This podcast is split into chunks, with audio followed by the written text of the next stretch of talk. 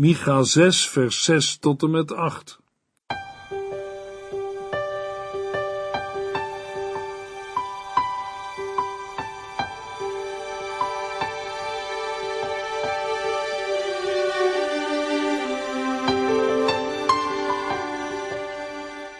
Hartelijk welkom bij De Bijbel Door. Dit is een programma van Transworld Radio.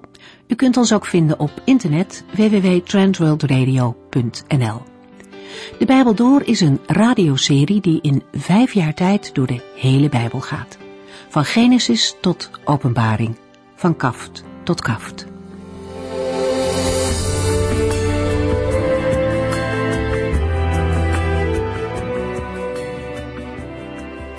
Fijn dat u weer luistert. We verdiepen ons vandaag verder in het boek Micha. De vorige keer zijn we begonnen in hoofdstuk 6. In dat gedeelte zien we iets van Gods hart dat zo naar zijn volk uitgaat.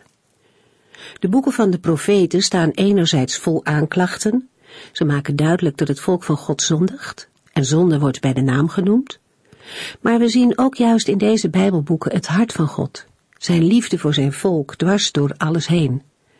De Heere heeft er geen genoegen in om zijn volk te straffen. Hij wil niets liever dan dat zij zich bekeren, zodat hij in hun midden kan wonen en hen kan zegenen. Trouw en toewijding, dat zijn kernbegrippen in goede relaties. En de Heere heeft die voor zijn volk, maar van hun kant ontbreekt het er helaas zo vaak aan. De profeten roepen hen dan ook keer op keer op om terug te gaan naar de Heere en berouw te tonen over hun zonde, want alleen dan kan de Heere genadig zijn. Want dat is ook een kenmerk van Gods liefde. Hij kan zijn volk niet delen met afgoden. In Micha herinnert de Heere zijn volk aan verschillende momenten dat zij het moeilijk hadden en door hem werden gered. In vers 6 zien we woorden. Ze gaan beseffen dat er iets moet veranderen. Maar wat ze moeten doen weten ze eigenlijk niet zo goed. En daarom stellen ze verschillende vragen. En de eerste is misschien ook wel de meest wezenlijke. Hoe kunnen we tegenover de Heere God goed maken wat wij hebben misdaan? Een vraag die eigenlijk ieder mens zou moeten stellen. En ook hier in Micha blijkt dat al duizenden offers niet genoeg zijn. Vanuit zichzelf kan een mens niets doen om Gods vergeving te krijgen. Geen offers en geen goede werken. Het enige wat de Heere vraagt is hem te geloven op zijn woord. Vanuit het Nieuwe Testament mogen we weten dat het geloof inhoudt, geloof in het verzoeningswerk van Christus aan het kruis. Dat alleen kan een mens redden van zonde en dood. We lezen verder in Micha 6.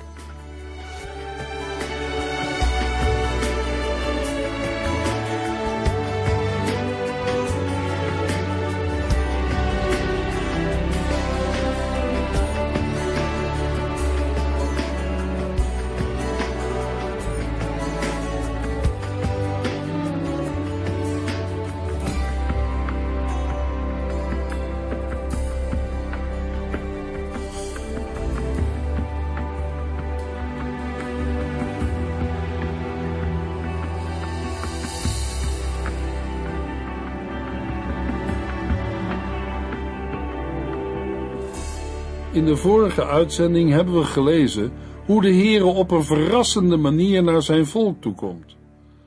De Heere als aanklager neemt als het ware plaats in de rechtszaal en begint niet met een lange lijst van beschuldigingen.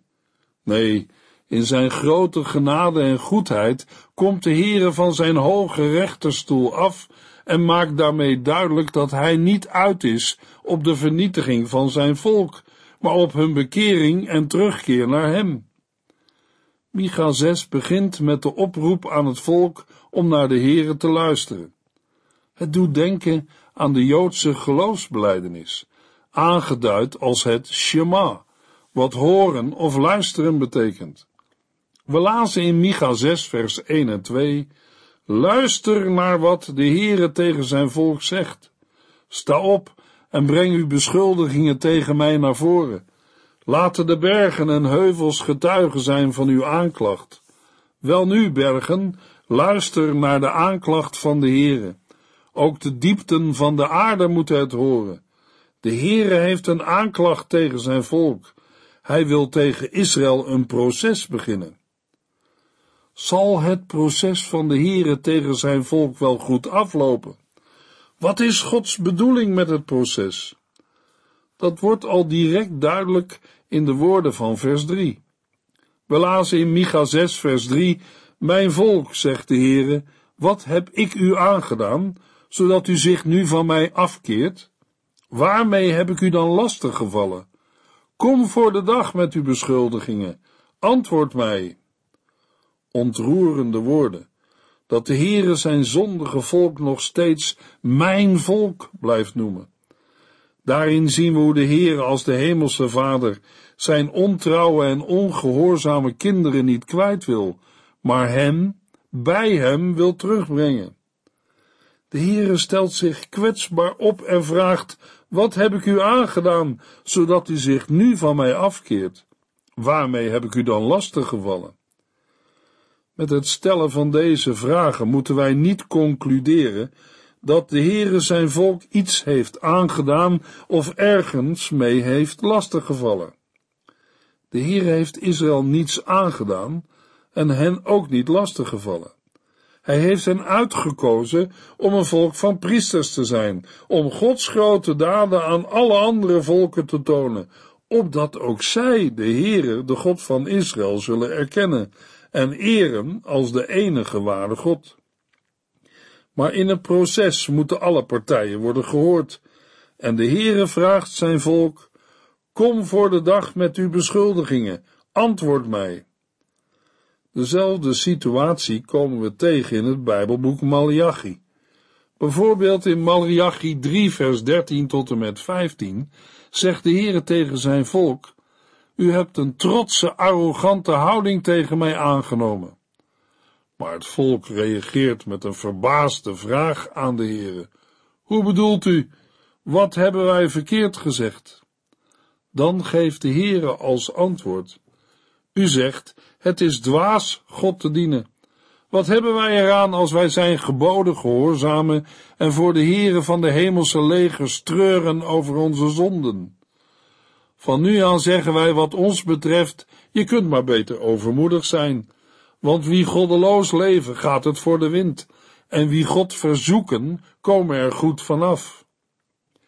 De Heere vraagt zijn volk bij monden van de profeet Micha, Kom voor de dag met uw beschuldigingen. Antwoord mij.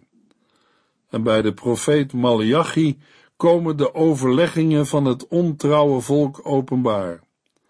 Een van de problemen van het volk blijkt te zijn, want wie goddeloos leven gaat het voor de wind, en wie God verzoeken komen er goed vanaf. Kortom, wat heeft het voor zin in God te geloven en zijn voorschriften en geboden te gehoorzamen? Volgens de meeste Israëlieten is dat saai en vermoeiend. En wat levert het op? Malachi verwoordt het probleem van het volk in Malachi 3 vers 14 en 15. U zegt, het is dwaas God te dienen. Wat hebben wij eraan als wij zijn geboden gehoorzamen en voor de heren van de hemelse legers treuren over onze zonden? Van nu aan zeggen wij wat ons betreft, je kunt maar beter overmoedig zijn want wie goddeloos leven, gaat het voor de wind, en wie God verzoeken, komen er goed vanaf. Het is een probleem dat we vaker vinden in de Bijbel, bijvoorbeeld in Psalm 73, waar Asaf zegt in vers 2 tot en met 15, Wat mijzelf betreft, bijna had ik het rechte pad verlaten, bijna was ik uitgegleden. Dat komt doordat ik jaloers was op de trotse mensen, toen ik zag hoe voorspoedig de ongelovigen leefden. Zij lijken geen problemen te kennen, ook lichamelijk niet, zij zien er gezond en wel doorvoed uit. Zij weten niet wat zorgen zijn en niemand legt hun een strobreed in de weg. Daarom dragen zij hun trots als een halsketting en pronken zij met geweld alsof het dure kleren zijn. Hun gezicht is pafferig van het vet. Zij verbeelden zich van alles. Zij steken overal de spot mee en spreken kwaadaardig over het onderdrukken van andere mensen. Hun taal is gezwollen, trots en uit de hoogte. Zij zetten een grote mond op tegen God en verachten de mensen. Het volk houdt rekening met hen en zij profiteren ervan. Zij zeggen: God kan niet alles weten. De Allerhoogste heeft wel iets anders te doen dan zich met ons te bemoeien. Kijk, zo leven nu de ongelovigen. Zonder zorgen worden zij alleen maar rijker en rijker. Voor niets heb ik zuiver geleefd, mij ver gehouden van onrecht. De hele dag word ik gekweld, elke morgen voel ik mijn straf. Als ik echter net zo had gehandeld en gesproken, hoorde ik niet meer bij u. In Micha 6 vers 3 had de Heere zijn volk gevraagd tegen hem te getuigen en hem te vertellen wat hij hen had aangedaan. In Micha 6 vers 4 en 5 gaat de Heere hem vertellen wat hij voor zijn volk heeft gedaan. De Heere herinnert hen aan zijn grote daden in het verleden. Micha 6 vers 4 en 5 Ik heb u immers uit Egypte gehaald en verlost van die slavernij. Ik gaf u Mozes, Aaron en Mirjam om u te leiden. Mijn volk, bent u dan vergeten hoe koning Balak van Moab probeerde u te vernietigen, door u door Biliam, de zoon van Beor, te laten vervloeken? Weet u niet meer dat ik hem toen in plaats van een vloek een zegen liet uitspreken? Keer op keer heb ik voor u het beste gezocht. Herinnert u zich niet meer wat gebeurde vanaf Sittim tot Gilgal, bij de oversteek van de Jordaan, en hoe ik u toen heb gezegend? De Israëlieten waren slaven geweest in Egypte, maar de Heere had hen van die slavernij verlost. De Heere herinnert hen eraan dat hij Mozes, Aaron en Mirjam gaf om hen te leiden. Opvallend dat de Heer ook Mirjam noemt. Ook Mirjam was een van de leiders uit het land Egypte. Zij stond op één lijn met Aaron, maar ze stond niet op één lijn met Mozes, omdat de Heere Mozes als leider had gekozen. Uit nummer 12 blijkt dat zij met de plaats en de positie die de Heere haar had gegeven wel moeite had. In nummer 12 vers 2 horen we Mirjam en Aaron vragen, heeft de Heere soms alleen via Mozes gesproken? Maar de Heere maakt Mirjam duidelijk dat hij Mozes heeft uitgekozen en met hem niet door middel van visioenen en dromen spreekt, maar, zegt de Heere, ik spreek persoonlijk met hem. Hij ziet de gestalte van God. Hoe hebben jullie het gedurfd kritiek te hebben op mijn knecht Mozes? Het gevolg was dat Mirjam plotseling helemaal wit werd van de melaatsheid. Uiteindelijk bidt Mozes tot God om genezing. En nadat Mirjam zeven dagen uit het kamp werd verstoten en het volk op het einde van die periode wachtte, vertrokken ze naar de Paranwoestijn. Ook het volk Israël klaagde in de tijd van Micha en zeide, om het met de woorden van Malachi te zeggen, voor niets hebben wij zuiver geleefd, ons vergehouden van onrecht. Volgens hen werd je daar alleen maar moe van en leverde het niets op. Daarbij was het ook nog eens saai. Luisteraar, die gedachte vinden wij ook bij veel moderne mensen in onze tijd. Het geloof in God en in zijn Zoon Jezus Christus is voor velen niet meer relevant voor het dagelijks leven. Maar wij mensen moeten verder kijken dan onze neus lang is. Dat laat Asaf ons zien in Psalm 73. Als hij let op de voorspoed van de ongelovigen, zegt hij in vers 16 tot en met 28. Ik heb mij het hoofd gebroken hoe dit mogelijk was. In mijn ogen was het onbegrijpelijk en onaanvaardbaar. Maar uiteindelijk ging ik Gods huis binnen en zag hoe het met de ongelovigen afliep. Werkelijk, u laat hen op gladde wegen lopen en uitglijden. U laat hen tenslotte ineenstorten en een ruïne worden. In een oogwenk veranderen zij en bekijkt ieder hen met afgrijzen. Dan zijn ze weg, omgekomen door rampen, zoals een droom na het ontwaken niet echt blijkt te zijn. Zo ontkent u, heren, hun bestaan, als u erbij wordt betrokken. Toen bitterheid in mijn hart opkwam en ik opstandig en geprikkeld was, reageerde ik als een dwaas zonder inzicht. Ik gedroeg mij onredelijk tegenover u. Toch zal ik altijd bij u blijven. U houdt mij stevig vast. Door uw raadgevingen zal ik mij laten leiden, en wanneer ik eenmaal sterf, mag ik in uw heerlijkheid bij u komen. Wie of wat heb ik buiten u nog nodig? Als ik u heb, heb ik verder niets nodig en verlang ik niets meer, nog op aarde, nog in de hemel. Al zou ik geestelijk en lichamelijk bezwijken, mijn hart vertrouwt op God. Hij is mijn rots. Voor eeuwig houdt hij mij vast. Het is duidelijk. Wie niet met u leven, gaan hun ondergang tegemoet. U vernietigt ieder die u verlaat en andere goden dient. En ik? Ik ben gelukkig als ik dicht bij God ben. De Almachtige Heer is mijn toevluchtsoord. Ik wil iedereen over uw werk vertellen. Maar zover was het volk in de dagen van Micha nog niet. De Heere zelf moest hen zijn grote daden in herinnering brengen. Beschamend dat de Heere dat zelf moet doen. De grote daden van de Heere hadden door Israël zelf aan de volken rondom hem moeten worden doorgegeven en verkondigd.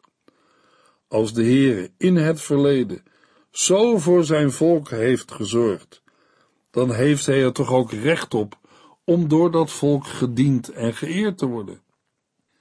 In het vervolg lijkt het erop dat de inwoners van Jeruzalem en Juda er ook van overtuigd zijn. Ze lijken echt onder de indruk en tonen op zijn minst enig besef van schuld. Toch denk ik eerder dat het geen schuldbesef is, maar niet meer dan een zicht bewustzijn van het feit dat er van hun kant nu wat moet gebeuren. Er moeten dingen veranderen. Dat was ook gebleken aan het slot van Micha 5. Daar lazen we al dat de Heere alle toverij, waarzeggerij en zelfgemaakte afgodsbeelden en gewijde stenen zal laten verdwijnen. Micha 6 vers 6 en 7 Hoe kunnen wij tegenover de Heere weer goed maken wat we hebben misdaan? vraagt Israël. Moeten we ons met de Heere verzoenen door het offeren van eenjarige kalveren? Al zouden duizenden rammen of tienduizend beken olijfolie worden geofferd, het zou de Heere toch niet kunnen behagen. Zouden wij onze oudste zoon moeten offeren, zouden dan onze zonden worden vergeven? Nee, natuurlijk niet. In de versen 6 en 7 worden een aantal vragen gesteld. De eerste vraag van het volk is: hoe kunnen wij tegenover de Heere weer goed maken wat we hebben misdaan? In wezen is het dezelfde vraag als de cipier stelt in Handelingen 16 vers 30, waar we lezen, Heere, wat moet ik doen om gered te worden? Paulus en Silas antwoorden hem, geloof in de Heer Jezus, dan zult u gered worden en al uw huisgenoten ook. Zij verkondigden hem en zijn huisgenoten de boodschap van de Heere. De tweede vraag van het volk is, moeten we ons met de Heere verzoenen door het offeren van eenjarige kalveren. De Heere had de offers voorgeschreven, maar daardoor konden de mensen niet gered worden. Het lukte niemand om door middel van het offeren van eenjarige kalveren met God in het reine te komen. Maar nu hebben wij een veel betere hoop, want Christus maakt het voor ons met God in orde, zodat wij bij Hem mogen komen met het brengen van offers en andere godsdienstige gebruiken, komt het niet met God in orde, maar alleen door de genade van God, door de Heer Jezus Christus. Hij is het enige offer dat een volkomen verzoening is voor al onze zonden, en niet alleen van de onze, maar die van de gehele wereld. Dat is de genade van God voor ons mensen. Wij kunnen onszelf niet redden en er is ook niets dat wij mensen voor God kunnen doen of als losprijs voor ons leven kunnen geven. Ook niet als wij zeggen: Ik ga naar de kerk, ik ben een meelevend kerklid, of ik geef gul aan de kerk en probeer zoveel mogelijk mensen te helpen, of ik probeer met alle mensen vrede te houden, enzovoort. In Johannes 6, vers 28 en 29 vragen de mensen aan de Heer Jezus: Hoe kunnen wij doen wat God wil? Jezus antwoordde: U moet in mij geloven. Dat is de wil van God, want ik ben door Hem gestuurd. In Handelingen 16, vers 31 lazen we wat Paulus en Silas tegen de cipier in Filippi zeiden. Geloof in de Heer Jezus, dan zult u gered worden. Dat is het enige werk dat de Heere vraagt om te doen. Hem geloven op zijn woord. Reddend geloof brengt werken van dankbaarheid voort, maar het bewerkt zeker geen redding en verlossing. Dat is alleen door het verzoeningswerk van de Heer Jezus Christus aan het kruis. Het werk van een gelovige heeft niets van doen met zijn verlossing of redding. In vers 7 stelt het volk nog een aantal vragen. Moeten er duizenden rammen of tienduizend beken olijfolie worden geofferd? Micha bedoelt hiermee dat de mens die denkt dat een offer moet dienen om God gunstig te stemmen, nooit de zekerheid geeft of zijn offer wel voldoende is. In Hebreeën 10 vers 4 zegt de schrijver van het Bijbelboek Hebreeën, want het bloed van stieren en bokken kan nooit voorgoed met de zonden afrekenen. In het vervolg van Hebreeën 10 lezen we dat Christus het oude verbond heeft vervangen door een nieuw en beter verbond.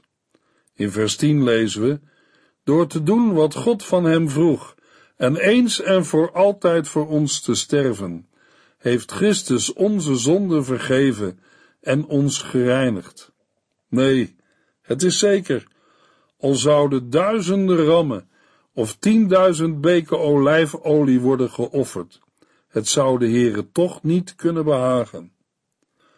De vierde vraag die door het volk wordt gesteld is: zouden wij onze oudste zoon moeten offeren? Voor ons mogelijk een vreemde vraag. Maar het volk Israël wist wat de heidenen deden om hun goden gunstig te stemmen. Zij hadden er zelfs hun kinderen voor over en offerden hen aan de moloch. Maar de Heere veroordeelde zulke praktijken. En het offer dat de Heer aan Abraham vroeg. In Hebreeën 11, vers 17 tot en met 19 lezen we dat de Heere Abraham daarmee op de proef stelde. We lezen in Hebreeën 11 van Abraham, hij was bereid zijn enige zoon aan God te offeren, hoewel God hem had beloofd, door Isaac zult u veel nakomelingen krijgen. Hij rekende erop dat God Isaac ook weer levend zou kunnen maken. En dat is in zekere zin ook gebeurd. Voor Abraham was Isaac eigenlijk al dood, maar hij kreeg hem van God terug. En wat de Heere niet van Abraham vroeg, dat vroeg God wel van zichzelf. Hij gaf zijn zoon voor ons aan het kruis, en zo heeft de Heere zelf voorzien in het eenmalige verzoeningsoffer voor ons mensen. Micha schrijft, zouden wij onze oudste zoon moeten offeren? Het antwoord is radicaal en resoluut.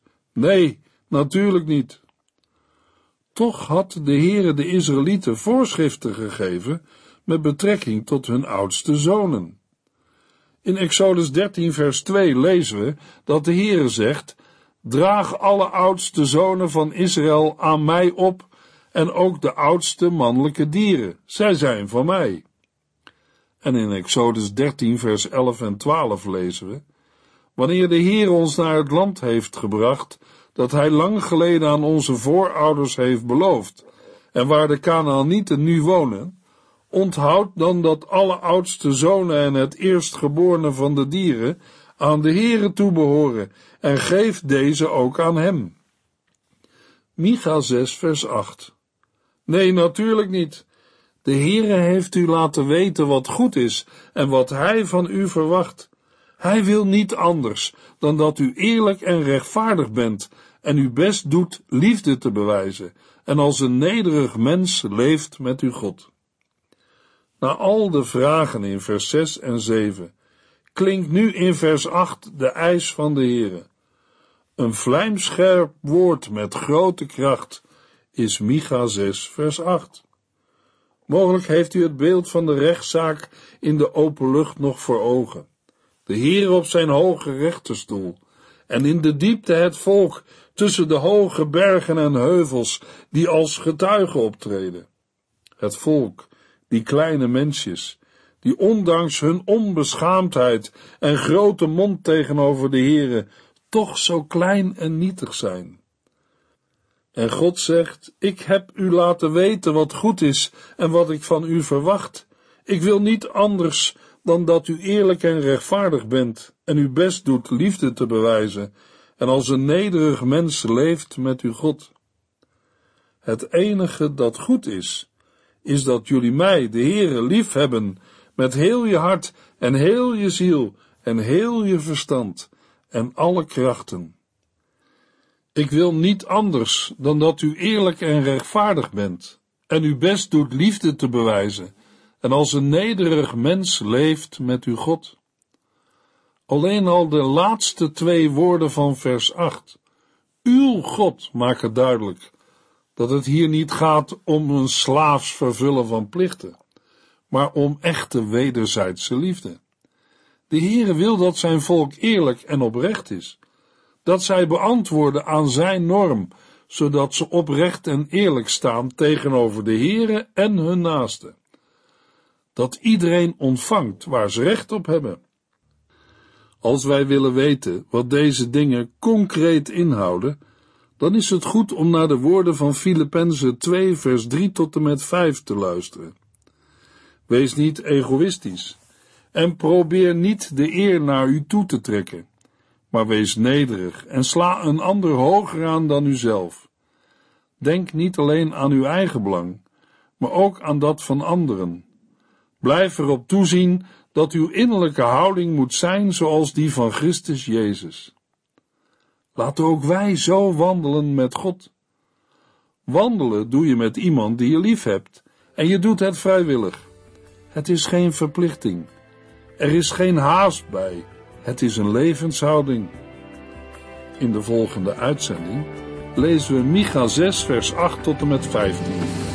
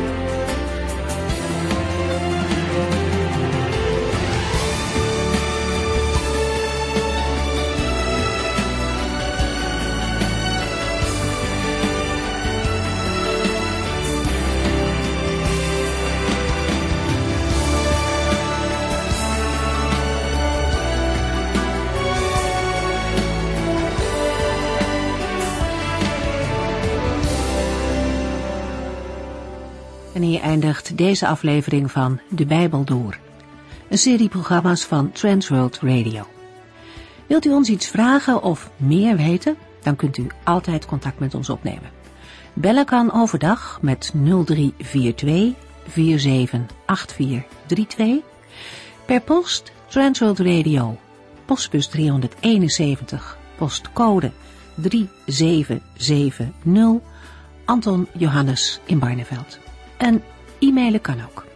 De Bijbel door at transworldradio.nl En natuurlijk ook via onze website transworldradio.nl Dit programma werd gepresenteerd door Cor Weda en Ike André. En namens iedereen die er nog meer aan meegewerkt heeft, graag tot de volgende keer.